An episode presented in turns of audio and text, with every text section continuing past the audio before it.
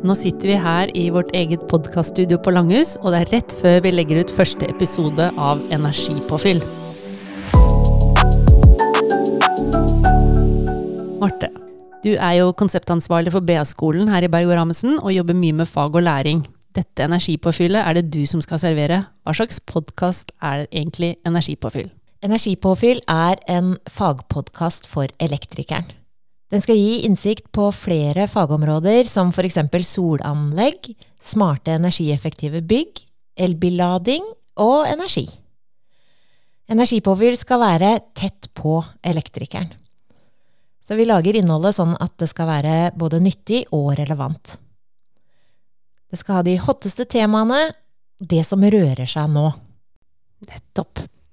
Og du har jo jobba mye med podkast før, vet jeg, så dette er jeg sikker på at blir kjempebra.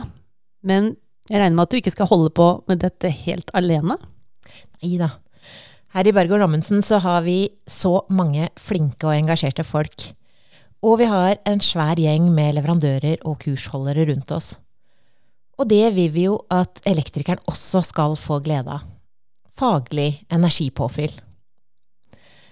Og samtidig så skal det jo være enkelt og gøy, sånn at elektrikeren skal ha lyst på en liten dose energipåfyll når muligheten byr seg. Ok, så det vi vil er rett og slett å gjøre det litt lettere for elektrikeren å holde seg oppdatert. Ja, for det er jo det som er så fint med podkast. At man kan høre på det i bilen, eller når man gjør enklere jobber, når man trener, eller bare slapper av hjemme. Helt klart, veldig tilgjengelig, og akkurat når det passer. Men podkast kan jo være så mangt, så hvordan tenker du å servere dette energipåfyllet?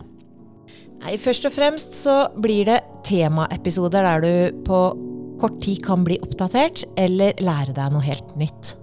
Eh, I disse episodene så er vi gjerne med ut på jobb og snakker med elektrikeren for å være ordentlig tett på. Og så kommer vi jo til å invitere koselige folk inn til studio her, da. Så hyggelig. Men da er det vel bare å glede seg, da? Ja, da er det bare å glede seg.